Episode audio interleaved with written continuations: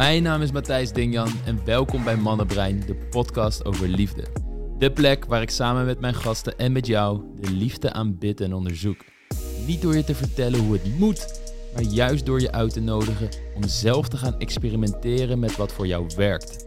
In de podcast krijg je inzichten, kwetsbare verhalen en praktische adviezen over de liefde, daten, relaties en alles wat daaromheen hangt. Zodat je in jouw eigen leven meer liefde kan voelen, ervaren en zijn. Enjoy. Welkom Lisa en Kelly. Hallo, daar zijn we weer. Hallo. Hallo. Kelly, jij zag een vraag voorbij komen volgens mij op het internet. Ja, dat klopt Matthijs. Ik zag een vraag voorbij komen. Wat was het? ja, ja, dat ga ik niet zeggen. nee, die, die vraag die was... Kan je van een ander houden als je niet van jezelf houdt? Of in welke mate moet je van jezelf houden... voordat je ook om de juiste reden van een ander kan houden? Mhm. Hele mooie vraag. Er zijn natuurlijk verschillende manieren om die vraag te benaderen. We kunnen heel filosofisch naar gaan kijken, heel biologisch naar gaan kijken. eh, nog allerlei andere manieren. Maar laten we gewoon eerst beginnen bij jullie eigen visie daarop. Als je de vraag stelt, mag je hem beantwoorden. Inderdaad. Oh shit. nou, ik denk dat eh, een gezonde relatie toch wel afhankelijk is van. ehm, ik, ik laat me scharen in, in liefde, in ook in de mate van ehm, hoe gelijk ben je in, aan intelligentie met elkaar, normen en waarden, levensdoelen. Hè, voeg dat allemaal bij elkaar, sluit het bij elkaar aan. En voor mijn idee kan je liefde daar ook onder scharen. Dus ook de mate van waarin je van jezelf kan houden. En dan naar de ander. Ik denk als je te weinig van jezelf houdt, dus te weinig stabiele basis hebt.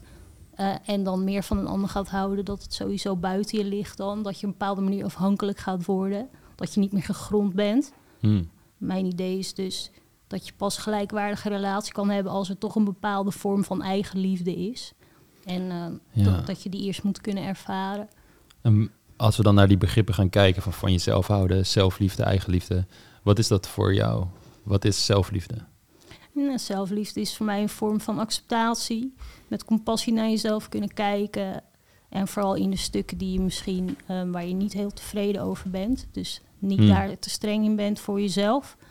Maar als je dat wil veranderen, dat ook kan veranderen, gaat veranderen. Zodat je daar ook zelfvertrouwen in opbouwt. En het is een proces wat niet. Het is, het is geen doel ook of zo. Als ik dat of dat doe, dan, dan hou ik van mezelf. Maar het is een, een, een weg in jezelf waarin je ontwikkelt. En dus inderdaad met die compassie die weg bewandelt. En dan waar je fouten mag maken zonder dat je jezelf daarin afstraft. En voor jezelf ook zorgt. Als je ziek bent ook, ga naar de dokter. Vind jezelf belangrijk genoeg om dat soort dingen ook te gaan doen. Maar ook te weten wat je wilt en wat zijn je behoeftes dan in het leven. Mhm. Dus ergens jezelf op waarde schatten. Als in, oké, ik ben het waard om voor te zorgen, om van te houden, te accepteren. En ja, ik heb mindere kanten, maar tegelijkertijd zoek ik of ik die kanten kan verbeteren. En als het lastig gaat, of als ik sommige dingen nou eenmaal echt moeilijk vind, dat ik ook kan accepteren dat dat zo is. Dat vat ik het zo goed samen, hoe Ja. zelfliefde eruit ziet? Ja, ja, ik kan bijvoorbeeld, ik kan daar een voorbeeld in noemen. Stel je voor, ehm, nou ja, laten we het dan over gewicht hebben. Dat zijn natuurlijk waar veel vrouwen mee, mee worstelen.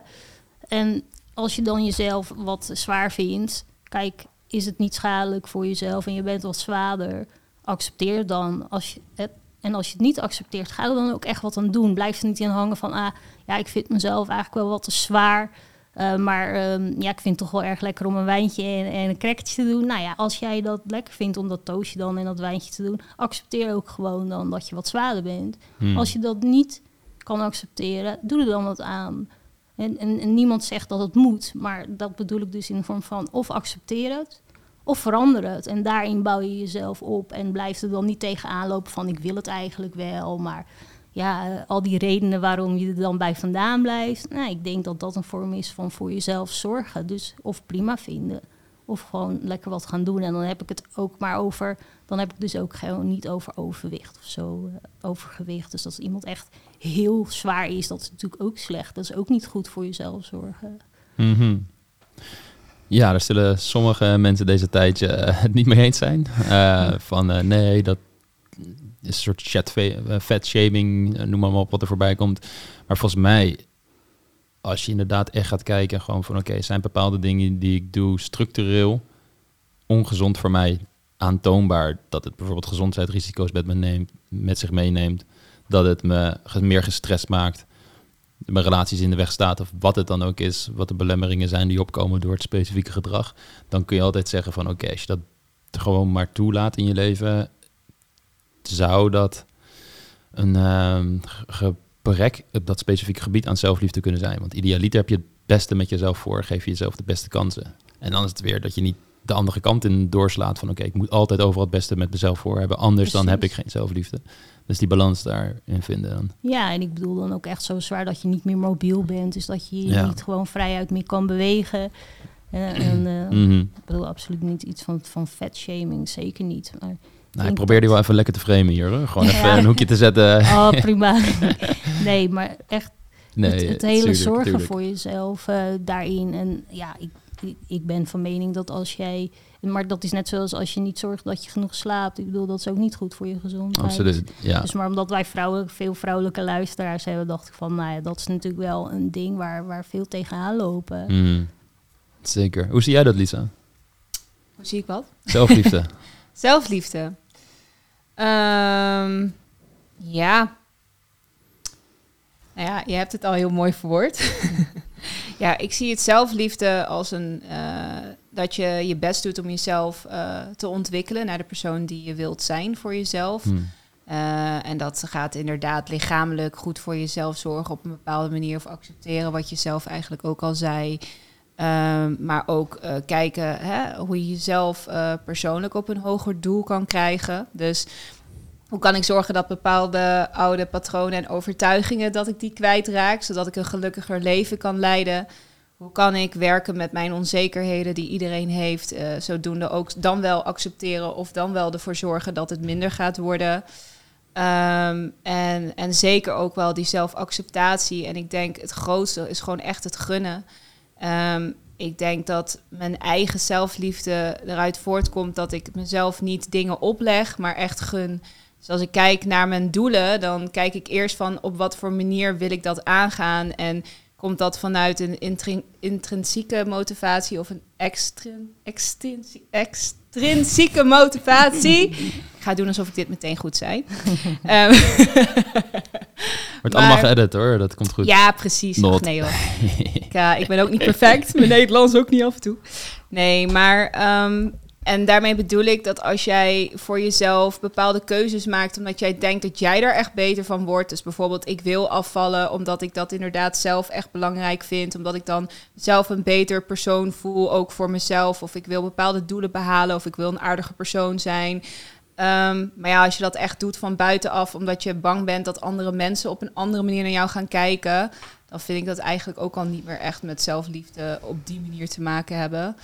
Um, maar goed, ook daar valt weer over te filosoferen natuurlijk. Want uiteindelijk wil je ook weer ergens bij kunnen horen. En dan wil je jezelf natuurlijk ook weer daarbij betrekken. Dus, maar goed. Um, hmm. Ja, hmm. zo zie ik zelfliefde. Dus gunnen. Gun het jezelf. Gun, uh, gun jezelf het beste leven dat je jezelf kan geven. Duidelijk, duidelijk. Ja, het is een hele boeiende. Ik hoor in beide antwoorden heel veel zelfontwikkeling terug. Heel veel kijken naar wat zijn de dingen waar ik aan kan werken. Daar moet ik mee aan de slag gaan. Want dat moet je jezelf gunnen, als het ware. En dat is dan dus zelfliefde. De uiting van gedragingen waardoor je groeit. Hoe je die groei dan ook definieert als persoon. Het is een uh, hele interessante. Want hoe ziet dat er dan uit als iemand geen zelfliefde heeft? En, uh, en je zit wel in een relatie als we daar specifiek bij houden, wat, hoe ziet dat er dan uit volgens jullie? Ik heb het gevoel dat je dan gewoon uh, vaak over je eigen grenzen heen laat gaan. Omdat je zelf misschien. Um, ik zie het voor me dat als je niet echt zelfliefde hebt, dat je het ook lastig vindt om te weten wat nou eigenlijk goed is voor jou. Want je bent daardoor ook sneller, je bent minder misschien met jezelf bezig en daardoor ook sneller van buitenaf om het te kunnen krijgen. Want als je het vanuit jezelf in jezelf niet kan krijgen, dan ga je het zoeken naar extern om alsnog dat gevoel te krijgen dat je goed genoeg bent of dat je mhm. er mag zijn. Dus dan ga je weer echt op dat vlak zitten.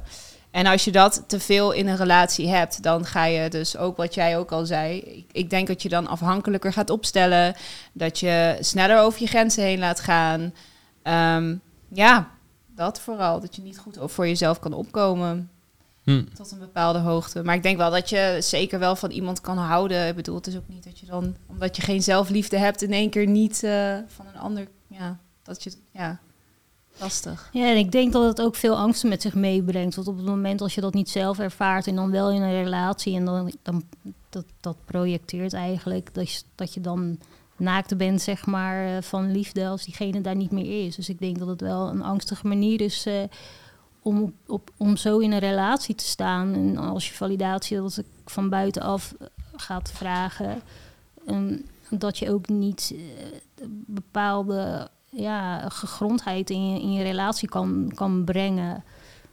Hm. Bepaalde gegrondheid. Wat is gegrondheid?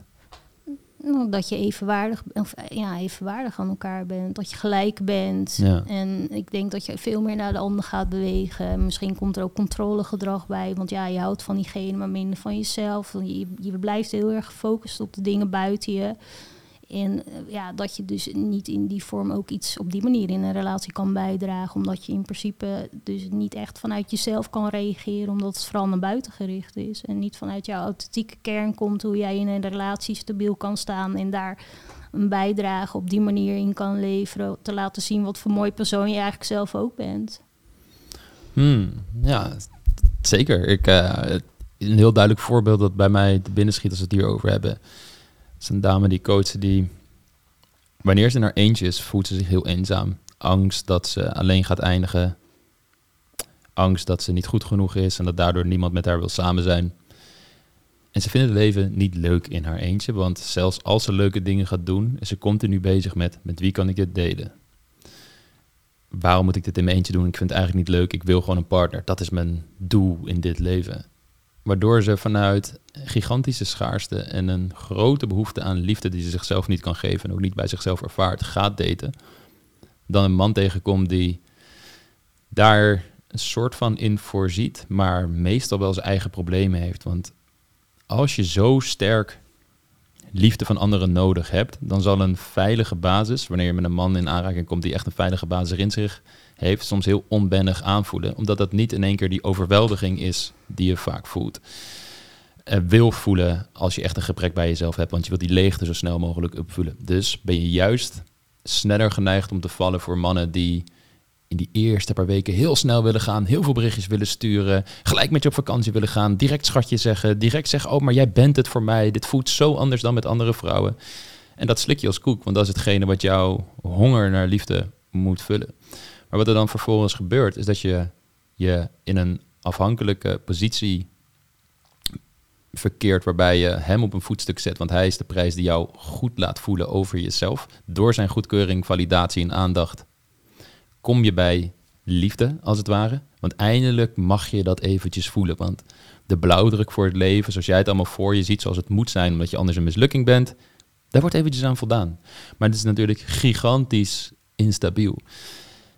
Waardoor je, zoals jullie al terecht zeggen, heel makkelijk over je grenzen heen laat gaan. En ik, uh, dat zijn meestal de situaties dat er soms hele heftige dingen kunnen gebeuren.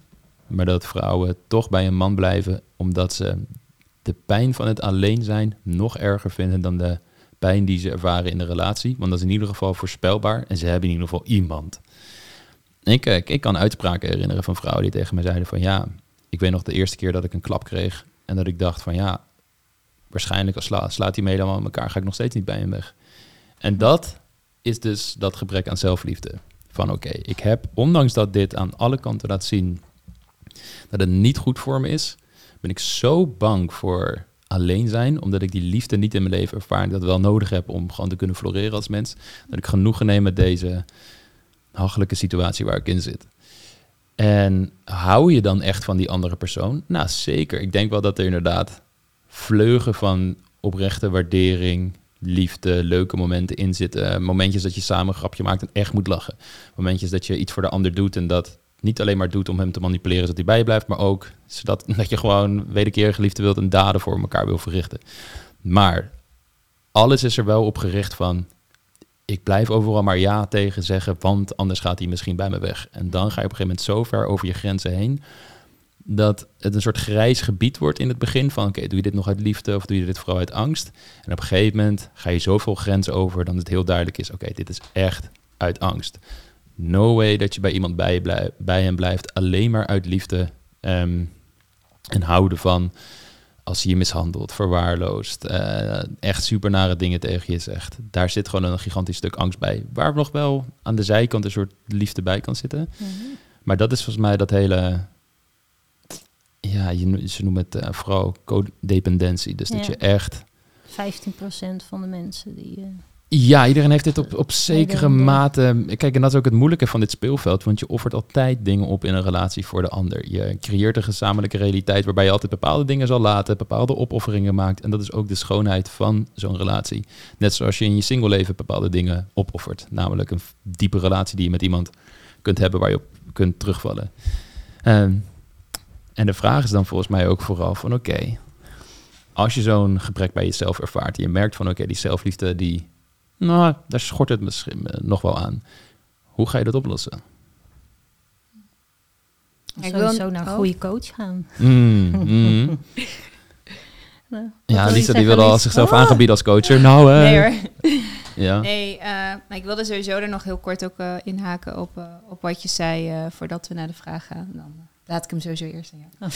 Nee, maar... zijn uh, vriendelijk tegen elkaar hier. Ja, maar ik vind Kelly ook gewoon top. Ja, ik kan het zelfs Laurens hier zit dan uh, een hele andere Mag sfeer. Mag niet hoor, nee, weg mee. Nee.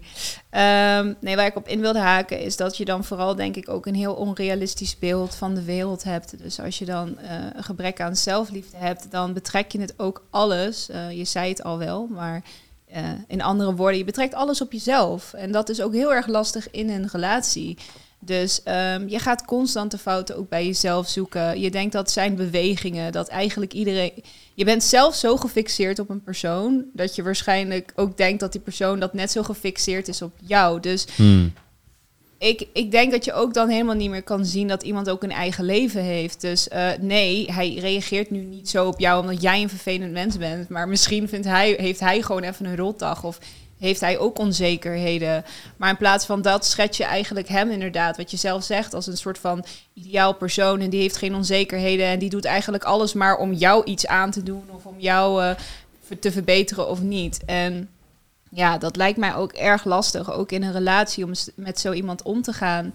Uh, en dat je ook constant moet vertellen tegen die persoon van, ja, maar sorry, klinkt heel fucked up, want dat vind je juist niet leuk om te horen, maar niet alles draait om jou. Ik, ik heb ook nog een eigen leven en ik heb ook nog mijn eigen dingen waarmee ik moet dealen en mijn eigen veilige ondergrond nodig. En niet iemand die constant daarin bevestiging zoekt dat het niet om jou gaat, zeg maar, wat ik nu voel. Ja, de autonomie wordt opgeofferd voor de hechting. Alles staat centraal om die persoon. Die moet ik in mijn leven houden. En daarvoor offer ik mijn eigen authentieke stem op. Mijn behoeftes. Ten eerste heb ik ze al niet helemaal meer scherp. Vaak verliezen mensen ook het gevoel met wat ze nou echt zelf vinden en echt ergens van vinden. Zelfs als die grenzen er zijn van oké, ik vind dit niet prettig, dan vaak is de angst zo veel sterker aanwezig en zo alles overweldigend dat je niet meer goed in contact staat met je eigen grenzen en je eigen behoeftes in deze wereld. Waardoor je alleen nog maar op hem focust, want dat is het enige wat het doet. En dat is een, uh, ja, dat is een, een, een hele interessante, hoe dat zo ver kan doorstijpelen. Ja, het is echt een verslaving, zou je kunnen zeggen, mm, aan een bepaalde persoon. Ja. Mm. ja, een verslaving omdat je het zelf ook niet ervaart. Ja, kijk, als je moet je voor je, voor je zien van oké, ja, dit is dit ding in, het jou, in jouw leven. Je denkt er elke dag aan.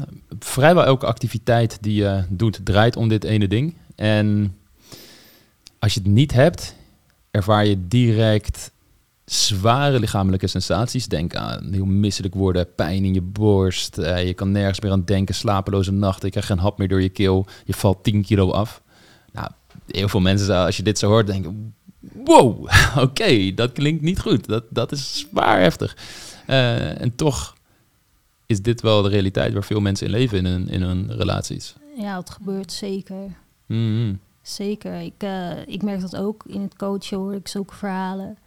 Dat mensen gewoon echt ook meerdere malen de, de stappen van hun partner ook nagaan. Ze zijn de hele dag bezig ook met wat het persoon aan het doen is. kijken meerdere keren in social media na, vragen waar diegene heen gaat, hoe laat hij thuis is. Het wordt echt een, controlegedrag wat echt totaal niks meer met de liefdevolle relatie ook te maken heeft, maar inderdaad met een afhankelijkheid. Ja, absoluut. En dat is het boeiende ook, dat zelfs, dit hoor je namelijk ook wel eens, dat sommige mensen, oké, hun zelfliefde, eh, daar zou al aan gewerkt kunnen worden, dat zouden ze meer kunnen ervaren. Maar in de meeste relaties was het nog wel een soort van oké. Maar dan trekken ze die ene partner aan. En die ene partner brengt echt het slechtste in hun naar boven. En de dynamiek die zij samen creëren is nog zoveel giftiger dan alles wat ze hebben meegemaakt.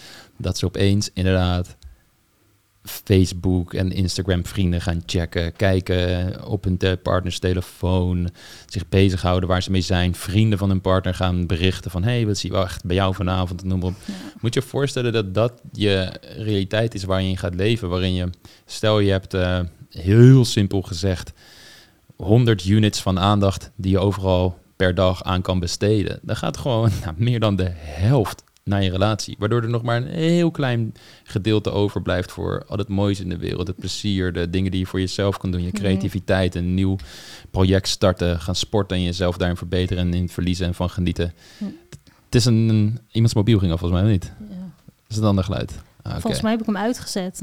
Ah, no worries. Weet je wat, we gaan lekker door joh. Het is allemaal, eh, allemaal prima. Ja, dat, dat was even de, de cue, zodat ik kon uitleggen van hoe je dat dan gaat veranderen in jezelf. Ah. Van als je nou niet van jezelf Het is de houdt. cue dan- van Matthijs, shut the fuck up. Ja. En, eh, Ja, ik heb gewoon een wekker op je ingesteld. Duidelijk.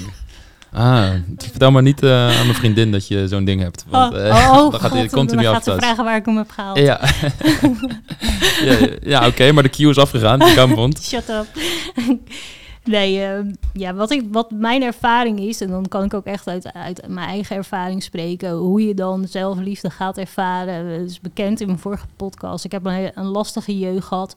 Als je met een basis opgroeit waarin je jezelf ook niet mocht ontwikkelen, jezelf ontplooien, dan ja, en met bepaalde kritische overtuigingen komt te leven. Dus ouders die jou eh, neerhaalden in plaats van opbouwden. Dus waardoor je een vertekend zelfbeeld krijgt.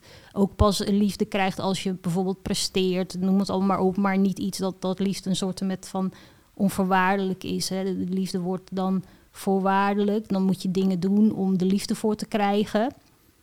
Dat heeft natuurlijk helemaal niks met eigenwaarde te maken, maar alles met presteren en Hmm. alles wat buiten jezelf ligt. En dat is, eh, kijk, als we dan spreken over, op een gegeven moment kom je op dat punt dat je relatie fout is. Ik spreek nu over mijn jeugd, dus wat ik daarmee wil zeggen is dat je een koppeling gaat maken, want dit ontstaat ergens uit, dat gedrag. En dan kan je teruggaan naar je jeugd en dan kan je gaan kijken waar het fout is gegaan, want daar liggen de antwoorden. En Hmm. dan wil je gaan kijken hoe je jezelf ontwikkeld hebt. Waar mocht je dan jezelf niet zijn? Welke overtuiging heb je van jezelf? Waarom hou je niet van jezelf? Wat zeg je tegen jezelf? Eh, Bouw je jezelf op? Kraak je jezelf af? Waarom is een ander belangrijker dan dat jij eigenlijk bent? Waar is jouw waarde ergens verloren gegaan? Mhm. En dat is een hele belangrijke stap om te maken. En dat ga je niet alleen doen. Daar heb je hulp bij nodig. Van een coach of een, of een psycholoog. En daarin moet je gaan leren om met compassie naar jezelf te gaan kijken. En inderdaad, als je achterhaald hebt van... hé, hey, ik heb eigenlijk gewoon helemaal geen goed zelfbeeld. Want ik kon het ook vroeger niet goed doen. En ik mocht mezelf niet zijn. Dus ik weet eigenlijk, hoe am I? zeg maar, wie ben ik nou echt van binnen? En dan wordt het een proces. Maar als jij dat proces ingaat en jij zit in zo'n relatie met een, een dynamiek, wat waarschijnlijk niet een hele gezonde dynamiek is, zoals jij ook zegt. Hè. Je trekt dan ook, als je behoeftig bent, trek je hè, eh, angst, trekt angst aan. En of het nou bindingsangst is of verlatingsangst, maar het is een ongezonde dynamiek. En als jij daarin komt in die relatie en je weet niet beter, is het moeilijk om dat in te zien. Maar je kan Ja. ervan uitgaan, als jij de hele dag een ander wil controleren, dan gaat het niet goed in je relatie. En dan moet je het gaan doorbreken in een relatie. Ja, en dan moet je wel echt eh, wel krachtig in je schoenen staan. Want dan moet je dus echt gaan kiezen voor jezelf. En als er weinig zelfliefde is, dan voelt dat natuurlijk heel kaal in het begin. En de kans is als je dan aan jezelf gaat werken en de ander niet, als je elkaar ook ontgroeit, dat is dan goed voor jou. Want die relatie is ongezond. Hmm. Maar als je daarin zit, je voelt dat het niet goed gaat, je voelt je, dat je buiten jezelf leeft, niet gegrond bent, zoek hulp. En Mhm. ga jezelf eerst opbouwen. En dan is de relatie eigenlijk, komt die dan gewoon op de tweede plaats. Want dan ben je zelf als eerste eventjes belangrijk. Ja, ja, ja, zeker. Want natuurlijk, ontzettend gigantisch lastig is voor mensen die met die weinig zelfliefde kampen. Omdat ze in die obsessie zitten en in die verslaving zitten. Het is een, eh, een, eh, een hele boeiende daarin. En ik denk dat vooral die hulp zoeken, niet alleen zodat iemand je de tools gaat geven om letterlijk uit die situatie te komen, maar ook zodat je echt een, het gevoel hebt van, oh, dit is iemand die oprecht het beste met mij voor heeft. Die de beste delen in mij, die in mij zitten en merken dat deze situatie niet helemaal klopt. En dat ik wellicht iets aan deze situatie moet veranderen. Dat hij die delen in mij aanspreekt, zodat dat meer kan gaan groeien. Mm. Zoals je in schematherapie natuurlijk de gezonde volwassenen noemt. Ja, Dat je, wat nu misschien een heel klein waakvlammetje is, dat dat zo dadelijk gewoon weer een mooie, mooi haardvuur is. Wat verwarmt en licht brengt in mijn leven. En daar heb je, denk ik ook, een hele goede band voor nodig met je therapeut, coach, psycholoog. Omdat als je uit zo'n jeugd komt en je hebt alleen maar slechte voorbeelden gezien van mensen in je omgeving, vervolgens trek je relaties aan waarin open, eerlijke, authentieke communicatie heel moeilijk was. Je partner kon het bijvoorbeeld niet, jij kon dat niet. Veel ruzies of veel zwijgen naar elkaar, wat het ook was. Dan heb je niet gezien hoe je gezonde relaties met jezelf onderhoudt, waardoor je ook heel hard kan zijn naar jezelf. Die patronen zijn niet alleen naar buiten gekeerd, maar ook gespiegeld naar binnen. En als je dan met een professional aan de slag gaat, die jou kan aanhoren, veilige ruimte kan houden, niet heel snel boos wordt, niet wegkeert wanneer jij je kwetsbaar opstelt, maar je laat zien van hé, hey, dit is hoe een veilige basis in het contact eruit ziet. En je voelt dat van, oh, zo voelt dat letterlijk, zo ervaar ik dat. Dan kun je dat door middel van imitatie mee gaan nemen naar je eigen leven, naar de relatie met jezelf, maar ook naar de relatie met andere mensen. En dat is wat er echt voor nodig is om die zelfliefde te ontwikkelen, wat dus zich altijd uit in bepaald gedrag, zelfliefde. Het is nooit eh, in één keer alles accepteren, maar ik laat alles zoals het is. Nee, het is dus wel wat ik ook terug hoorde in jullie antwoorden, aan jezelf werken en kijken hoe je een soort win-win kunt creëren voor jezelf en je omgeving. Het beste voor iedereen. Een soort hoogste goed. Beide in balans. Ja, Het zo goed, zowel inderdaad als wat je zegt, accepteren. Want het is ook niet dat je constant aan jezelf moet werken. mhm. Volgens mij ook al vaker gezegd. Nou, ik vind van wel hoor. Gewoon lekker tijd aan jezelf werken. En, eh, ja. Nee, want dan word je op een gegeven moment ook een beetje gek natuurlijk. ja. Maar ehm, ja, dat heet dan weer de narcist, geloof ik. Dan ga je weer niet dat, dat zo'n kant op van als je alleen maar aan jezelf denkt. Ja, Eh, ja, als je alleen aan jezelf denkt inderdaad. Wat als de zelfliefde doorslaat naar al mijn behoeften zijn super belangrijk, Ja. die van rest doen er niet toe. Ja. Ja, want het is ook helemaal niet erg om te delen. Het is juist heel mooi. Want ik vind het, ik zeg ook wel eens, geluk, als je gelukkig bent is het mooi. Maar als je samen bent is het nog veel mooier als je het geluk kan delen. Dus het is helemaal niet erg als je Ja. dingen eh, weggeeft of voor iemand doet. Want ik denk juist dat het een hele mooie aanvulling is als je iemand gelukkig kan maken. Dat je wat kan geven aan iemand en die liefde dan terugkrijgt. Ik denk dat daar ook wel een stukje van ja, zelfliefde in, in terugkomt. De waardering daarvan en de connectie die je dan voelt met een ander. Maar ja, dat is natuurlijk heel wat anders dan dat je continu iets doet voor iemand omdat je gezien wilt worden en, en liefde krijgt. Dus het moet wel op een gezonde manier zijn dat jij gewoon iets geeft waar je eigenlijk niks van terug verwacht. Alleen een blij gezicht, zeg maar. Maar ik ben wel benieuwd om het even weer wat... Want ik ben altijd weer van, maak het concreet. Mhm. Ja, kom op. Eh, we zeggen natuurlijk nu allemaal best wel van... oké, ja, het is handig dat we eraan gaan werken. Zelfontwikkeling, eh, hulp zoeken, bla. Maar zijn er andere dingen die eh, jullie zelf hebben gedaan... ehm, eh, los van hulp van buitenaf... om, eh, om het eh, voor jezelf te verbeteren?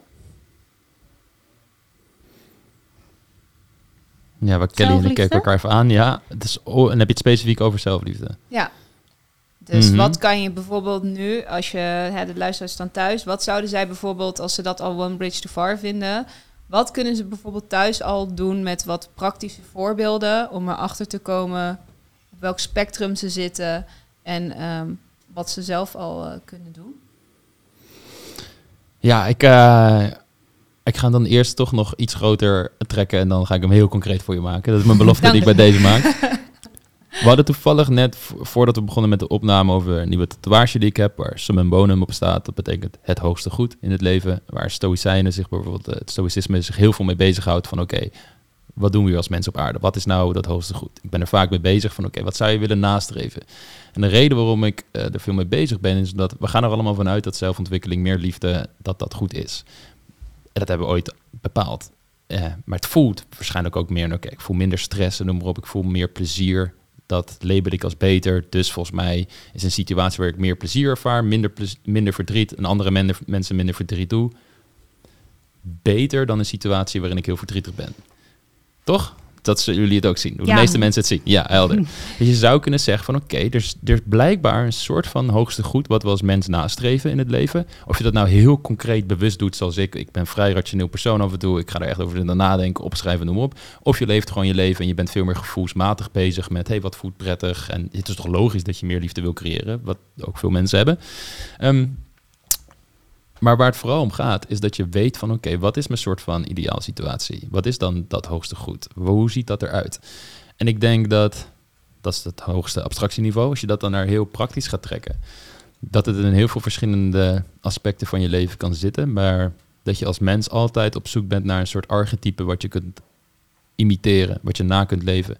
Als klein kind speel je misschien vader en moedertje en dan doe je dat om te ervaren hoe zo'n rol is. Eh, was, is het weer teken, Kelly? Ja, hè, ik moet mijn mond er weer halen. Ik, ga, Zet hem gewoon uit. Kom. ik, zeg, ik zeg nog één ding en dan, eh, Mijn excuus. en dan, eh, dan hou ik ermee op. Zo, ik heb Ja, dan geef ik het tafel weggestopt, onder Ja. het kleed. Nee. No worries. Kijk, ehm dus oké, dus dan heb je zo'n archetype van oké, dit is hoe ik ongeveer in het leven wil zijn. Maar dat heb je met vader en moedertje als je kind bent. Maar nog steeds als mens zie je soms andere mensen om je heen waar je van denkt, oh, maar dat is mooi. Dat is volgens mij iets wat meer liefde in mijn leven zou brengen. Wat voor mezelf ook goed zou zijn en de mensen in mijn omgeving. Heel simpel voorbeeld. Ik zie eh, bijvoorbeeld Joe Rogan, een, een podcast waar ik vaak naar luister, heel vaak tegen zijn vrienden zeggen die in zijn podcast zitten dat hij van ze houdt. Hm. En ik vind dat een heel mooie eigenschap eh, eh, van een man, dat hij dat zo publiekelijk doet. Dat zie ik, denk, oeh, dat zou ik meer in mijn leven kunnen integreren. En dan ben je dus bezig met die zelfontwikkeling en je plukt eigenlijk waar uit je omgeving bepaalde eigenschappen waar je van denkt, dat zal mijn leven beter maken. En tegelijkertijd heeft een positieve uitwerking, zo goed en mogelijk als ik dat kan inschatten op mijn omgeving. Dus dat is een hele praktische manier hoe ik het zelf heel veel ervaren heb. Dat ik altijd gekeken heb naar zowel mensen in mijn directe omgeving, die ik gewoon kan aanraken, als mensen via het internet die gewoon video's maken, eh, waarvan ik bepaalde eigenschappen kan overnemen. Ja, Dat is echt een voorbeeld zoeken. Ja. ja dat is Mooi. een, een hele duidelijke manier. Of nu, meerdere eh, voor dat ding weer afgaat van Kelly, hou ik snel mijn mond. Ja, nou stil, nou stil. mm. Hoe is dat voor jou, Kel?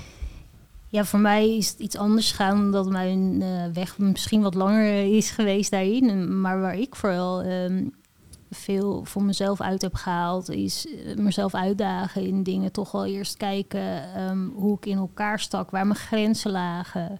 Eh er was ook wel een wat ehm, ja, meer rebelse periode bij. Echt het opzoeken van grenzen, aftasten. Ook wel kijken naar de wereld om je heen, zeker. Ehm, maar dat associeerde nog niet zo heel goed met mijn gevoel, omdat ik een heel vertekend blauwdruk had en dan nog niet echt precies kon zeggen van zo zou ik iets willen zien ook in mijn leven of zo. Dat had ik nog niet. Ik was heel erg op zoek naar mezelf. Dus ik ben voornamelijk, ehm, ja, ik heb mezelf wel uitgedaagd in sporten, projecten aangaan, eh, in, in het werk. eh, gewoon om te kijken van waar ben ik als persoon toe in staat? Wat maakt mij gelukkig? En welke mensen passen daarbij ook in mijn leven? Bij wie voel ik me veilig? Waarom voel ik me niet veilig bij bepaalde mensen? Waarom Hmm. bij anderen juist weer wel? Welke eigenschappen hebben die dan? En ehm, zo ben ik eigenlijk een beetje gaan kijken. En wat voor mij dus ook op een gegeven moment kwam dan van... hé, hey, ik kan dat wel. Ik ben... En niet omdat je iets pas kan dat je dan ook waardig bent. Helemaal niet. Maar Hmm. omdat ik bijvoorbeeld ook mijn school niet had afgemaakt, ehm, had ik toch een bepaald gevoel van dat ik misschien ehm, niet intelligent genoeg was. Of, dus is zo ga je dan jezelf opbouwen van hé, hey, ik kan het wel. En dan komt het vertrouwen en dan krijg je een goed gevoel. Dus je, je hele mindset wordt anders en dan gaat dat balletje rollen. En dan ga je meer dingen aanpakken en ga je je prettiger voelen. En dan durf je ook meer naar de buitenwereld jezelf te gaan laten zien. Dan krijg je goede reacties terug. Soms ook niet. Nou ja, die moet je er dan ook bij nemen. Dat hoort erbij. En wat er niet goed is, kan je over nadenken. Met compassie naar jezelf kijken. Van, is, dat, is dat waarheid wat diegene zegt? Ja, misschien wel. Kan ik dat ook weer aanpassen? Dus niet mezelf daarin afbranden van... hé, eh, je hebt zo eh, op die manier gereageerd, dat was slecht. En eh, waarom doe je dat? En Nee, van oké, ja, dit heb ik ook nooit zo meegekregen om te communiceren. Laat ik me gaan verdiepen, laat ik boeken gaan lezen. En zo eigenlijk. Drie grote dingen in terug. Eentje is zelfreflectie. Dus kijken wat wel en niet goed voelt voor jou, wat prettig is. Dat je een, eh, beter kunt gaan filteren van welke dingen in jouw leven passen, welke niet. Ja, Een tweede hoor ik eh, heel duidelijk bepaalde angsten trotseren, waardoor je buiten je comfortzone gaat. zeker. Als je dat doet, groeit natuurlijk je, eh, je, je eigen waarde weer. Want je laat zien van, oh ja, ik kan het leven eigenlijk best wel aan. Ik kan, zodra er een uitdaging komt, met die uitdaging omgaan. Wat je een diep gevoel van vertrouwen in jezelf gaat geven. Van, oh ja, wat er ook gaat gebeuren, ik ga oké zijn. Ja, precies. En een derde is nog dan specifieke vaardigheden uitzoeken die je wellicht bij die uitdagingen kunnen helpen. Communicatievaardigheden, eh, wat je weer heel veel zelfvertrouwen geeft. Omdat zelfvertrouwen vooral een, een competentie is. Vertrouwen van, oh ja, ik heb bepaalde vaardigheden. En daardoor heb ik vertrouwen in mezelf dat ik die vaardigheden heb. Ja. Hmm. ja, en ook weer opletten dat je daar niet in doorschiet van blijft het iets van voor jezelf. Doe je dit voor jezelf en niet voor de buitenwereld ook weer om te laten zien van hé, hey, kijk, dit kan ik. Want als ik daar dan mee bezig ben en ik ben er uiteindelijk, nou ja, dan heeft iedereen gezien wat ik kan. En daarna, ik zit met mezelf. Wat heb ik dan zelf echt gevoeld eigenlijk? Hmm. Hè? Dus ook, ik heb dat Die bereikt. is moeilijk toch? Of ik bedoel van... Ja, ik ben altijd wel bezig met wat de buitenwereld op zekere mate natuurlijk wat van vindt. En eh, hoe hou je dan die balans tussen van oké, dit doe ik echt voor mij en dit doe ik toch misschien omdat er verwachtingen zijn of dat ik een groot bepaald beeld van mezelf naar buiten wil brengen voor andere mensen. Ja, nou op het moment dat als je naar huis gaat en daar nog steeds gelukkig bent met wat je hebt bereikt voor jezelf. En niet dat het een moment was van oké, ik sta hier nu, ik krijg bijvoorbeeld een applaus en eh dankjewel en ik ga naar huis en ik voel me nog niet helemaal compleet. En vaak zijn dat soort dingen vluchtig, dat zijn vluchtige gelukken als zodra het buiten ligt. Maar als het iets interns is, dan zal je dat meedragen en ga je daaruit uit doorbouwen. En ik denk dat je dan meer rust ervaart. Zodra het buiten gaat liggen, ga je er ook meer naartoe trekken, er meer voor leven. En dan komt er weer een bepaalde druk bij. Dus mijn ervaring was ook, want ook daar ben ik mee bezig geweest van, ja, eh, bijvoorbeeld met het sporten doe ik dit nu echt, want ik sport ontzettend veel. Het was ook mijn beroep. Ik was professional sporter, dus was het ook zo van, doe ik dit nu om me te bewijzen aan de, naar de buitenwereld? Of doe ik het echt voor de, voor de liefde voor de sport die ik heb en de passie voor het paard dan en mezelf? En op een gegeven moment kom je dan op een punt te staan waar je moet kiezen voor je carrière of voor het dier. Zeg maar, en dan koos ik toch voor het dier en voor de liefhebberij ervan. Dan lag het toch in mijn hart. En dan merkte ik toch dat het presteren zelf mooi is, maar Mhm. niet de waarde is die ik in mij draag om het ook zo mooi te maken, de sport, zeg maar. Ja. Ja, ik denk dat ik wel begrijp wat je bedoelt. Dus het is vluchtig op het moment dat je het vooral voor de buitenwereld doet. Alleen op die directe momenten van validatie heb je eventjes die soort van kalmte. Terwijl als je het veel meer vanuit jezelf doet, vanuit binnenuit, dan vind je het mooi om die waardering te krijgen over datgene wat je graag doet. Maar je hebt het niet nodig. Dus stel, je bent gewoon weer thuis en je leeft verder met je week. Het is niet dat je snel weer naar het volgende evenement moet. Nee, je bent gewoon tevreden met alles. En kalmte, je rust ervaar je daarin. Ja, en dat je Hmm. denkt, wauw, dit heb ik bereikt. Ik heb er hard voor gewerkt Hmm. en dat heb ik goed gedaan. Het klopt eh, hoe ik ervoor heb getraind en mijn gedachten erover waren goed. En nou ja, wat er misschien niet goed was, dan heb ik deze keer geleerd. En dan doen we het een andere keer beter. Ja, als je vergelijkt jezelf meer met wie je vroeger was, dan dat je, je jezelf aan het vergelijken bent met andere mensen. Ben ik beter dan hun? Krijg ik aandacht? Krijg ik Ja, validatie? Hmm. Ja.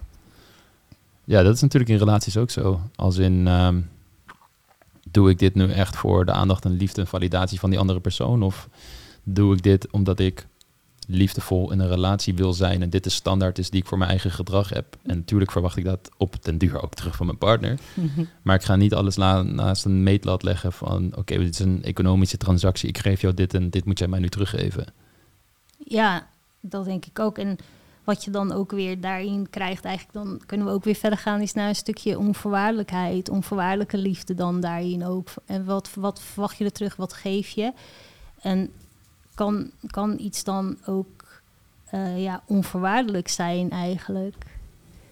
Want Ja. wat, wat, wat wij vaak meemaken is dat best wel veel vrouwen de onvoorwaardelijkheid plakken op een relatie waarbij ze dus een man met van alles weg laten komen, zeg maar, waardoor ze dus waarin ze niet goed behandeld worden en die vrouw die die ervaren niet genoeg eigenliefde ook in heel veel gevallen. Maar dan, eh, dan zitten ze in zo'n relatie, het loopt niet helemaal lekker, maar dan spreken ze toch wel van, ja, ik hou onvoorwaardelijk van dat persoon, dus dan hoef, mag die wegkomen met slecht gedrag. Ik verwacht daar verder ook niks van. Hmm. Mhm. Ja, boeiende daarvan is, is dat ik dan vaak hoor dat wanneer die man hen dan verlaat of echt nare dingen doet, dat ze zeggen van ja, maar ik heb dit allemaal voor hem gedaan en nu doet hij dit. Ja, Volgens mij is onvoorwaardelijk dat je niet kijkt naar oké, hoe gaat hij daarmee om, maar onvoorwaardelijk gaat over ik doe dit voor mezelf en stel we eindigen niet samen, maakt het niet uit, want ik ben de persoon geweest die ik wil zijn en ik hoef er daar niks voor terug. Tuurlijk, als hij me verlaat, als hij vreemd gaat, nare dingen doet, heb ik nog steeds harde grenzen en standaarden voor zijn gedrag. Maar ik zal nooit spijt hebben van dat ik al die dingen voor hem heb gedaan. En als je dat echt voor jezelf kan inbeelden van oké, ik sta nu in mijn relatie. Alle dingen die ik voor hem doe. Stel, het gaat toch uit. Morgen verlaat hij me zomaar. Het zal pijn doen. Je zal liefdesverdriet hebben. Maar heb ik spijt van de dingen die ik gedaan heb dan, omdat hij dit nu doet. Maar dan zit er stiekem toch wel wat meer voorwaarden in dan dat je wellicht op in eerste instantie zou denken. En als je dat echt tegen jezelf kan zeggen, nee, ik zou er oké mee zijn, want ik ben geweest wie ik wil zijn. Dan weet je volgens mij dat het onvoorwaardelijke liefde is. Ja, op die manier. Ja, dat je dan ook niet, als het dan eindigt, heel erg aan jezelf gaat twijfelen. En Li- Lisa noemde dat ook al eerder, van heb ik het wel goed gedaan? Het is mijn schuld dat hij weg is. Eh, ik had het anders moeten doen. Uh, Mhm. In plaats van de rust van nee, ik heb, ben mezelf geweest. Ik heb mezelf kunnen zijn. Helaas heeft het niet mogen werken. En daar houdt het dan mee op. En het is jammer, maar ik ben oké. Ja, en daar gaat het volgens mij altijd om dat je karakter bouwt in plaats van een, een uiterlijk leven. Tuurlijk, er zijn verschillende dimensies volgens mij van bronnen waar je positieve emoties van houdt. Je hebt natuurlijk gewoon dat je het altijd met je meedraagt. Als je bijvoorbeeld door middel van een meditatie stil gaat staan, echt naar je authentieke kern gaat, dat je het in je voelt. Vervolgens heb je hem gewoon een soort trotsheid op je gedrag van oké, hoe ik mij gedraag in deze situatie is in lijn met die authentieke kern, met het hoogste goed, met hoe ik wil zijn in het leven. Daar kan ik trots op zijn. En je hebt natuurlijk gewoon de wereld die je omheen creëert. Eh, je, bijvoorbeeld mannenbrein is echt wel iets waar ik trots op ben en waar ik eigenwaarde en zelfvertrouwen uit haal. En dan zou je kunnen zeggen van ja, je moet dat niet hebben, want het moet allemaal van binnenuit komen. Ik denk dat er meerdere niveaus zijn waarin je eigenwaarde, zelfvertrouwen en zelfliefde uithaalt. En hoe meer die met elkaar in verbinding zijn en hoe sterker je op alle drie de eh, niveaus scoort, als het ware, hoe fijner je over het algemeen voelt. Hoe kalmer en rustiger en hoe minder stress je hebt en hoe, hoe meer ruimte er is om heel veel plezier te creëren in je leven, omdat je niet de hele tijd bezig bent met allerlei angsten en twijfels. Ja. Nou, daar ben ik het toch wel mee eens. maar hoe Wat heb jij jammer. Ja, laten we eens even wat frictie creëren hier. Nou, hè? ik, ik, ik was ook benieuwd hoe Lisa dat dan heeft ervaren. Hoe heb jij het voor jezelf kunnen, kunnen opbouwen? Zelfliefde. ja. Oeh, ja. Ehm, nou, dat was altijd wel mooi. Ik, eh, ik dacht zelf altijd dat ik heel erg... eh, ik wil trouwens ook helemaal niet zeggen zwart of wit, maar ik dacht altijd dat ik heel erg eh, zelfverzekerd was. Tenminste, vroeger was ik dat ook wel, maar ehm, nu zie ik ook wel dat er dat ik op een bepaalde manier moest leven, omdat ik af en toe in wat vervelende situaties zat. Ehm, waardoor er eigenlijk heel weinig, ik zat er laatst nog over na te denken, heel weinig ruimte was voor echt zelfontwikkeling. Dus je gaat heel makkelijk op andere dingen zitten. En eh, toen ik daarna pas dacht van oké, ik voel me dan zelfverzekerd, maar ik durf inderdaad helemaal niet kwetsbaar te zijn. Ehm, misschien vind ik het zelfs ook wel eng om soms aan andere mensen te denken of hoe zij mij zien, want dat gaat allemaal nog even net one bridge too far. Ben ik dan eigenlijk wel echt blij met mezelf at the end of the day? Kan ik dat dan ook echt zeggen? En toen heb ik mezelf eigenlijk volledig afgebroken, als in dat ik en nog steeds tot vandaag de dag gewoon heel erg ehm, mezelf probeer te challengen, wat jij ook zegt. Dus soms volledig de andere kant op gaan. Dus dan maar wel kwetsbaarheid laten zien, terwijl je dat eigenlijk niet wil. Of dan maar wel gaan huilen, terwijl je eigenlijk eh, altijd hebt gezegd dat dat misschien geen goed idee is.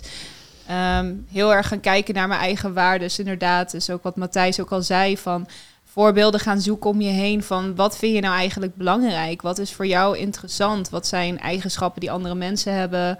Ehm, maar ook zeker van wat heb jij daarin? Of, ehm, en ook 100% niet constant maar alleen maar bezig zijn met dit moet ik verbeteren. Ehm, maar ook wat, wat heb ik nu al bereikt waar ik gewoon heel blij mee ben.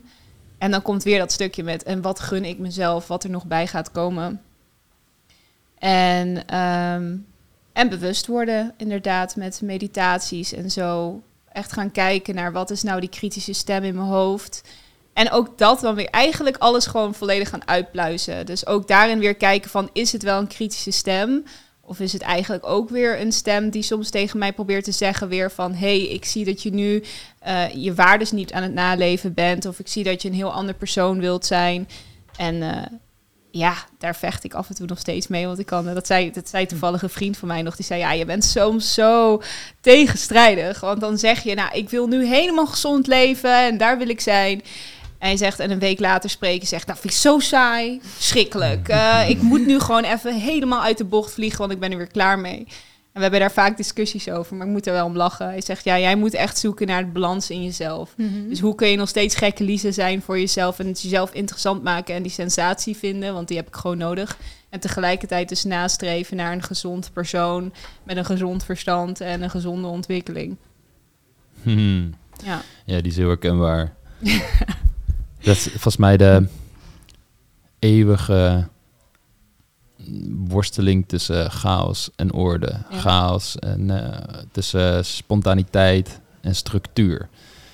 En ik denk hoe beter je voor jezelf scherp hebt wat je nodig hebt om gewoon basislevel lekker in je vel te zitten, gezond te zijn, je energie op niveau te hebben. Voor mij is het bijvoorbeeld, oké, zorg dat ik me genoeg slaap krijg, dat ik genoeg sport en dat ik gewoon bepaalde dingen door de week in ieder geval sowieso eet, die ik gewoon standaard in heb gebouwd. Dat, dat is mijn fundament. En dan kan ik af en toe uit de bocht vliegen en die chaos opzoeken waar je het over hebt, die spontaniteit creëren daardoor. Maar dat zal altijd een balans moeten blijven waar je de, die je nooit perfect hebt. Soms hit je even een spot dat die soort van perfect is, maar dan komt er weer een nieuw moment in je leven waar het weer even overboord gaat. Maar daar dus zelfbewustzijn over hebben en dat kunnen schakelen is volgens mij het, het allerbelangrijkste. Maar is dat niet, is dat niet ook hetzelfde? Dus ook weer wat, wat dat betreft zijn er heel veel dingen in het leven die op elke manier wel weer terugkomt. Mm -hmm. En dan hebben we het ook weer over verleidingen. Hoe ga je ermee om? Ja. Nou, dat heb je ook in, in relaties, maar ook tot jezelf. Van je, mm -hmm. je komen altijd verleidingen op je pad. Het is niet zo dat je in één keer iets hebt bereikt en dat je forever die persoon gaat zijn. En dat hoeft ook helemaal niet. Er zullen iedere keer weer nieuwe uitdagingen op je pad komen, waarbij jij dan weer voor jezelf moet gaan kiezen welke kant je op gaat. En dan het stukje zelfliefde is om het jezelf ook weer te gunnen. Dus, uh, en daar heb ik het soms best wel lastig mee. Dat ik denk van ja, maar kom op Lies, je hoeft niet altijd maar perfect te zijn of mm -hmm. de beste keuzes te maken. Want het lijkt me ook ontzettend saai als je altijd maar de beste keuzes maakt. Um, dan, dan geef je jezelf misschien ook niet de optie om te leren. Want soms moet je ja. ook gewoon uh, keuzes maken die lijken niet goed voor jezelf te zijn. En dan kun je vanuit jezelf daar ook weer kunnen zeggen van... nou, nee, ik heb het weer van geproefd. Toch niet helemaal de persoon die ik wil zijn op dat moment. Dus um, ja. Ja, en in essentie is het volgens mij ook, ook met zelfliefde... dat je in ieder geval de juiste principes leert... van hoe dat er ongeveer uitziet voor jou... en het vervolgens ook nog steeds elke keer leeft. Als ik naar mezelf kijk, oké, okay, dan ben je datingcoach, relatiecoach, woehoe. Maar nog steeds is het moeilijk om een kwetsbaar gesprek te gaan voeren met, me, met mijn vriendin over een onderwerp waar veel spanning omheen zit, bijvoorbeeld. Dus het is ook niet zo van, oké, okay, op een gegeven moment heb je zelfliefde, zelfvertrouwen en eigenwaarde. Dus je zal dingen niet meer moeilijk vinden. Het zal allemaal helemaal automatisch gaan. Het is meer dat je moedig genoeg bent daardoor om de draken in je leven te trotseren. En de vaardig genoeg bent om die draak ook te verslaan. Om, of misschien te bevrienden, wat uh, ja, de juiste analogie is. is. Maar het zal nog steeds een, een uitlever ervan zijn. En dat is volgens mij met alles zo in het leven. Je, het is niet zo simpel dat je je gedrag bent. Weet je, volgens mij zijn we meer dan dat wel. Maar het is wel een belangrijk onderdeel van hoe je iemand kan uh, definiëren als persoon, hoe die zich gedraagt in de wereld. Hetzelfde met sport. Als je gezond wil zijn, ja, tof. Maar je zal het blijven moeten doen. Eén keer, in, uh, één keer een week lang naar de gym gaan, dan gaat er niet de rest van het jaar ervoor zorgen dat je gezond bent. En het hetzelfde met je relatie zo. Hetzelfde met je zelfliefde. Het gaat om het soort van creëren van rituelen en gewoontes, waardoor je dat als het ware de hele tijd uitleeft. Je hebt zo'n uh, filosoof, de, volgens mij iets van Jean-Paul Sartre, Sartre, Sartre. S-A-R-T-E, zoiets. Anyways, mijn dyslexie die laat me hier weer hopeloos in de steek. maar um, die heeft een aparte kijk over, over dat jezelf zijn. Um, in onze samenleving is het meestal dat er gezegd wordt. Uh, Randstad had er zo'n zo'n uitspraak over van worden wie je echt bent. Dus wie je echt bent, ben je nu waarschijnlijk nog niet, maar we helpen jou om te worden wie je echt bent. Mm. je authentiek te gaan leven, daar moet je een paar dingen voor gaan doen. Hij zegt, nee, ja, dat is een, best wel een gek idee. Het is eigenlijk zijn wie je wordt. Mhm. En dat lijkt een soort woordspelletje, maar waar het vooral om gaat is van het gedrag dat je in het hier en nu laat zien, zorgt ervoor dat je in de toekomst ook authentiek bent, als het ware. Want je, je gaat je leven op zo'n manier indelen dat je ehm, in de toekomst al de juiste gewoontes en rituelen hebt gecreëerd, waardoor het logisch is dat jij bijvoorbeeld zelfvertrouwen of zo hebt. Uh, laat me naar zelfliefde trekken. Is dat iets wat je gaat ontwikkelen? Je wordt dat uiteindelijk. Je hebt uiteindelijk zelfliefde, alsof het een soort goudklomp is. Of zodra jij nu de keuze maakt. Oké, ik ga het moeilijke gesprek voeren met uh, mijn partner. Of oké, ik ga aan de slag met die angsten die ik binnen in, mij, uh, in mijzelf heb vanaf dat moment leef je eigenlijk ware, als het ware al het gedrag wat we definiëren als zelfliefde. En heb je zelfliefde. Ja. Maar dat is dan toch best wel lastig ook, want um, uh, ik ben benieuwd hoe jullie dat dan zien. Want uh, heeft dat dan niet ook al meer mee te maken met hoe, hoe ver je al überhaupt bewust kan zijn? Want als je jong bent, nou dat weet je zelf ook al, zijn je hersenen niet volledig ontwikkeld. Het eerste waar je mee te maken krijgt in het leven is hoe andere mensen. Dat, zo word je, zo ga je nou eenmaal je eigen persoonlijkheid opbouwen. Is hoe je het eerst spiegelt. Naar, je spiegelt naar de anderen en je kijkt wat je ervoor terugkrijgt. En zo heb je, krijg je een soort van zelfbeeld. Dat, dat creëer je dan denk ik ook heel erg van buitenaf. Mm En um, naarmate je ouder wordt, dan hè, heb je al wat meer een beeld van de wereld. Je gaat andere dingen kunnen zien. Je gaat zien dat je mening misschien helemaal niet zo gek is. En op basis daarvan wordt het denk ik ook steeds makkelijker om voor jezelf te zeggen: dit is mijn authentieke zelf en dit is de zelfliefde die ik voor mezelf wil creëren. Maar ik kan me voorstellen dat dat. Oh, er gebeurt iets. Ja, gaan we door. ja. Ik kan me voorstellen dat dat voor een jong persoon. Ga maar door. Ja, we hebben nog een camera daar. Het is oké. nee. Hij heeft het um, heet. Er viel weer een camera uit. Ja, het, is heet, vandaag. Uh, we zitten nu... Uh, deze podcast komt later pas online. Maar we zitten dus in de week van de voor de mensen die dit allemaal straks overleven en dit is weken later terugluisteren. We zitten nu in de week in augustus met de hittegolf. Ja, ja. en de camera die heeft zojuist gezegd, uh, weet je wat, warm. het is voor mij ook te warm. Ik snap het ook wel. Mijn vlucht halen ook. Gericht, ja, ja, we zijn zo hot. Hot. nee, maar dus um, ja, uh, is het niet ook gewoon een stuk lastiger als je jong bent en om dan maar te zeggen van uh, je moet inderdaad zelf. Wat, wat is dan zelfliefde? Ja, wat zei je nou net, Matthijs, van dat je worden wie je echt bent? Ja, het is dat, dat, zijn wie je wordt of worden wie je echt bent. Ja, worden wie je echt bent betekent dat je eigenlijk nooit echt jezelf bent daarvoor. Dus dan tel je niet of zo. En dan er kan je, bent ook iets niet, anders. Dan kan je ook niet de liefde ervaren. Dus daar ben ik het sowieso niet mee eens. Nou ja, weet je, volgens mij heeft het een het ander niet uit te sluiten. Want stel jij leeft allerlei copingmechanismes uit die je hebt ontwikkeld door om te gaan met moeilijke situaties in je jeugd. Je vader dronk veel. Jij moest daarvoor op je tenen lopen, want je wist als hij dronken is, dan kan ik hem boos maken en misschien word ik geslagen. Weet je? Dus je ontwikkelt een overlevingsmechanisme om daar mee om te gaan. Ja. Dan zou je kunnen zeggen dat is niet echt wie jij bent. Dat heb je ontwikkeld. Het is ontwikkeld gedrag en je kunt afstand nemen van dat gedrag. Ja, maar heb je dat niet? Ja, maar dat is je, dus ook. Ja, je zou ook kunnen zeggen van ja, maar dat is juist onderdeel van jou, want dat is jouw manier geweest van hoe je daar mee om bent gegaan. Alleen je hebt het nu niet meer nodig. Dus je kunt afstand nemen van dat stukje voor jezelf. Maar dat is een, een denk ik... Ik, uh... ik denk dat zelfliefde vooral te maken heeft met de momenten dat je het ook niet meer weet. Of juist in de momenten dat het niet goed gaat, maar dat je daar een compassie naar jezelf kan kijken. En ook kan zeggen, dit ben ik op dit moment. Ik kan het veranderen als ik wil. Maar ik vind het even goed oké dat ik dit nu zo doe. Maar denk je dat je dan op echt al hele jonge leeftijd al kan spreken van echt een authentieke zelf? Dat is dan eigenlijk mijn grote vraag. Nou ja, um, ik vind het lastig. Authenticiteit kan zijn uh, op jonge leeftijd dat je uh, als achtjarige iemand een knuffel wil geven of zo. Ik noem maar iets. En je voelt die urge. En dat durf je te doen, omdat dat de relatie is die je met je ouders hebt. Die, je wordt beantwoord met een knuffel terug. En je zou kunnen zeggen dat sommige ouders uh, misschien kunnen reageren met nee, geen tijd voor of überhaupt heel koud waren.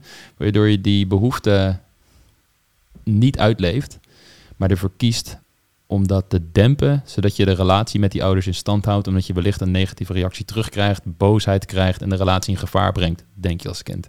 En dan onderdruk je als het ware het stukje autonomie, het stukje authenticiteit om die hechting in stand te houden. Ehm, dus is er een vorm van authenticiteit als kind? Ja, ik denk dus wel, omdat dat heel veel voortkomt uit behoeftes die je ook gewoon hebt. En hoe je liefde wil creëren, hoe je met andere mensen wil zijn. Of je wil spelen en dat durft. Of dat je dat allemaal niet durft, want je ouders worden boos als jij te druk bent. Ehm, en dat is inderdaad altijd afgestemd wel op je omgeving. Want je kunt ons sowieso niet als, als een soort uh, laboratorium object loshalen uit onze context en dan gaan observeren. Alles wat we doen en al onze hersengebieden ontwikkelen zich in de relatie met andere mensen. Hetzelfde als jij tien jaar lang, eh, van je eerste tien jaar van je leven in een god opgroeit zonder mensen. Uh, je ontwikkelt geen taal en uh, überhaupt zou het niet overleven. Ehm, waarschijnlijk omdat je ook gewoon voor je sterk immuunsysteem en zo menselijke relaties nodig hebt om dat te onderbouwen. Maar dat is, dit is een hele moeilijke inderdaad erin van oké, hoe authentiek ben je dan? Maar ik denk dus dat je vanuit jezelf aanvoelt van hoe je het prettig vindt om met andere mensen om te gaan, liefde te creëren, goede relaties te creëren. En dat dat authentiek is.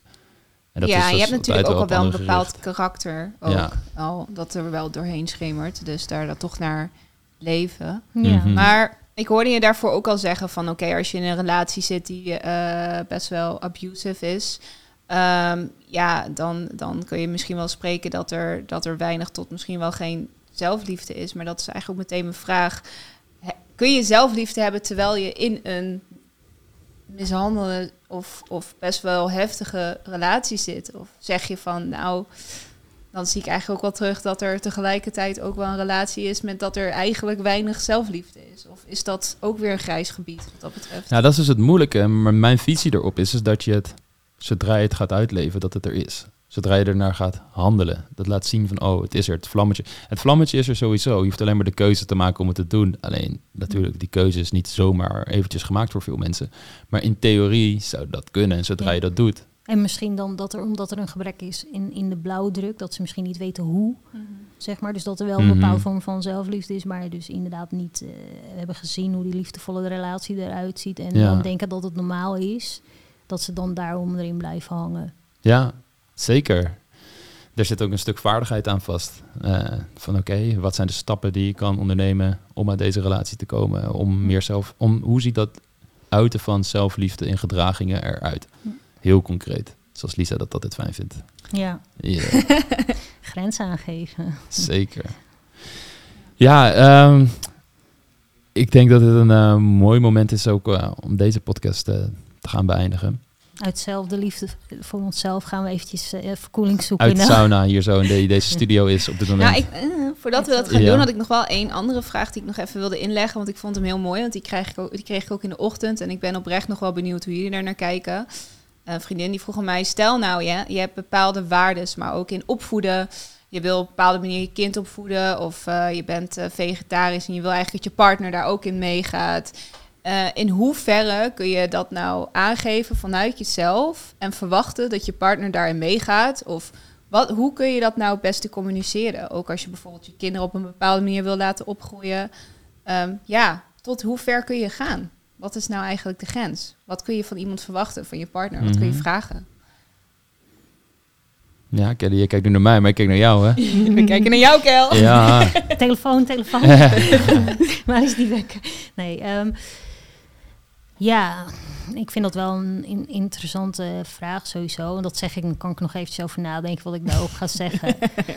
maar ja, ik denk dat het leven en laten leven, dus voor mij uh, een heel belangrijk iets in een relatie. Ik vind zeker als ik het zielig vind voor alle dieren om opgegeten te worden. Ik hou trouwens van spareribs, heerlijk knoflooksaus erbij. Maar als mijn partner zegt, ja, ik, uh, ik vind niet dat je dieren moet eten, dan heeft hij wel een beetje pech gehad. En dat vind ik heel sneu gezegd. Maar ik denk dat je wel op een bepaalde manier, hè, dat kan ik dan in relatie zeggen, hè, op een bepaalde manier iemand ook gewoon lekker zijn authentieke zelf moet laten zijn. En ja.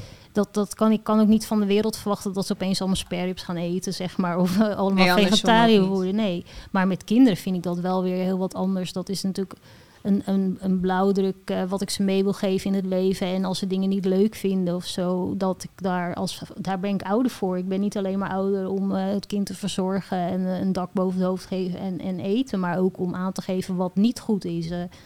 dat ja, maar als dat dan ook weer verschilt in de relatie, in hoeverre heb je dan het recht om daar iets mee te doen? Ja, ik vind het een hele interessante. Het haakt sowieso in op zelfliefde en, Ja, en liefde. Zeker. Daarom. Van hè, hoe ver kom je voor jezelf op en wanneer uit het zich in een soort controledrang over je partner en dat hij of zij zich precies zo moet gedragen zoals jij dat graag wil. Eh, tegelijkertijd denk ik dat het hele onderwerp eh, compatibiliteit, pas je bij elkaar, ja. zo'n complex onderwerp is waar je zoveel verschillende dingen weer over kunt zeggen, dat het misschien wel heel mooi is voor een nieuwe podcast. Oh, oké, Mm. oké, Mm. oké. Eh, Deze goed kan mijn bek wel hoor. Eh, Nee, ik oprecht. Ik denk dat het eigenlijk wel een heel mooi onderwerp is. Eh, geen idee of onze luisteraars het ook vinden. Dus hey, laat het ons weten. En laat ons sowieso Yes. weten of er onderwerpen zijn waar jullie graag een Man en Brein podcast over willen. Of jullie gasten hebben die hier moeten zitten. Eh, of die wekker die Kelly voor mij gezet heeft, dat ik mijn mond moet houden, vaker moet afgaan. Weet je, la- laat het ons weten. Maar ik, dit is wel een onderwerp eh, dat ik denk dat voor heel veel mensen relevant is. Omdat wanneer je problemen ervaart in de compatibiliteit, simpel gezegd in hoe goed je bij elkaar past en of je dezelfde wensen hebt in het leven, dat dat voor twijfels zorgt uiteraard of je wel met de juiste partner bent. En twijfels is een onderwerp wat ik niet los kan zien van compatibiliteit, omdat ik denk iedereen in elke liefdevolle relatie op een zeker moment twijfelt of die met de juiste persoon is. En als dat Ja. eh, niet zo is, als je altijd 100% zeker bent dat je met de juiste persoon bent, is in zover ik dat heb gezien, ik heb nog nooit iemand gezien bij wie dit niet zo is, die in een, echt in een veilige, liefdevolle relatie zat, eh, is het meestal eerder een vorm van codependentie dat je die partner ophemelt, op een voetstuk zet en überhaupt niet bij die gedachte kan van eh, kan ik zonder deze personen, noem maar op. Maar twijfels is tegelijkertijd zo'n primair onderwerp waar, je, waar heel veel relaties op stuk lopen, waar ik denk dat het niet had gehoeven, omdat vaak mensen dat in hun eigen hoofd gaan houden, het heel groot laten zijn, terwijl ze het ook, als ze het hadden uitgesproken tegen een partner, misschien zelfs al het in de kiem konden smoren en een relatievisie en dynamiek konden creëren, waarbij het, de relatie zich kon doorontwikkelen en de twijfels daardoor minder werden, eh, omdat de relatie dan gewoon doorgroeit. Maar eh, daar zitten heel veel aspecten aan vast en ik denk dus dat het mooi is om daar een nieuwe podcast voor te doen. Dan, eh, en dat we dan ook gewoon weer drie camera's hebben. Hè? Ja. Eh, nu deze is uitgevallen. Dus eh, ja, thanks dat jullie er bij deze weer waren. Ik heb eh, weer genoten. Ik eh, ben blij dat we dit gewoon tijdens de hittegolf hebben gedaan. Dat we dit hebben doorstaan. Zeker, zeker. We are survivors. Yes. En eh, ja, tot de volgende keer. Tot de volgende keer.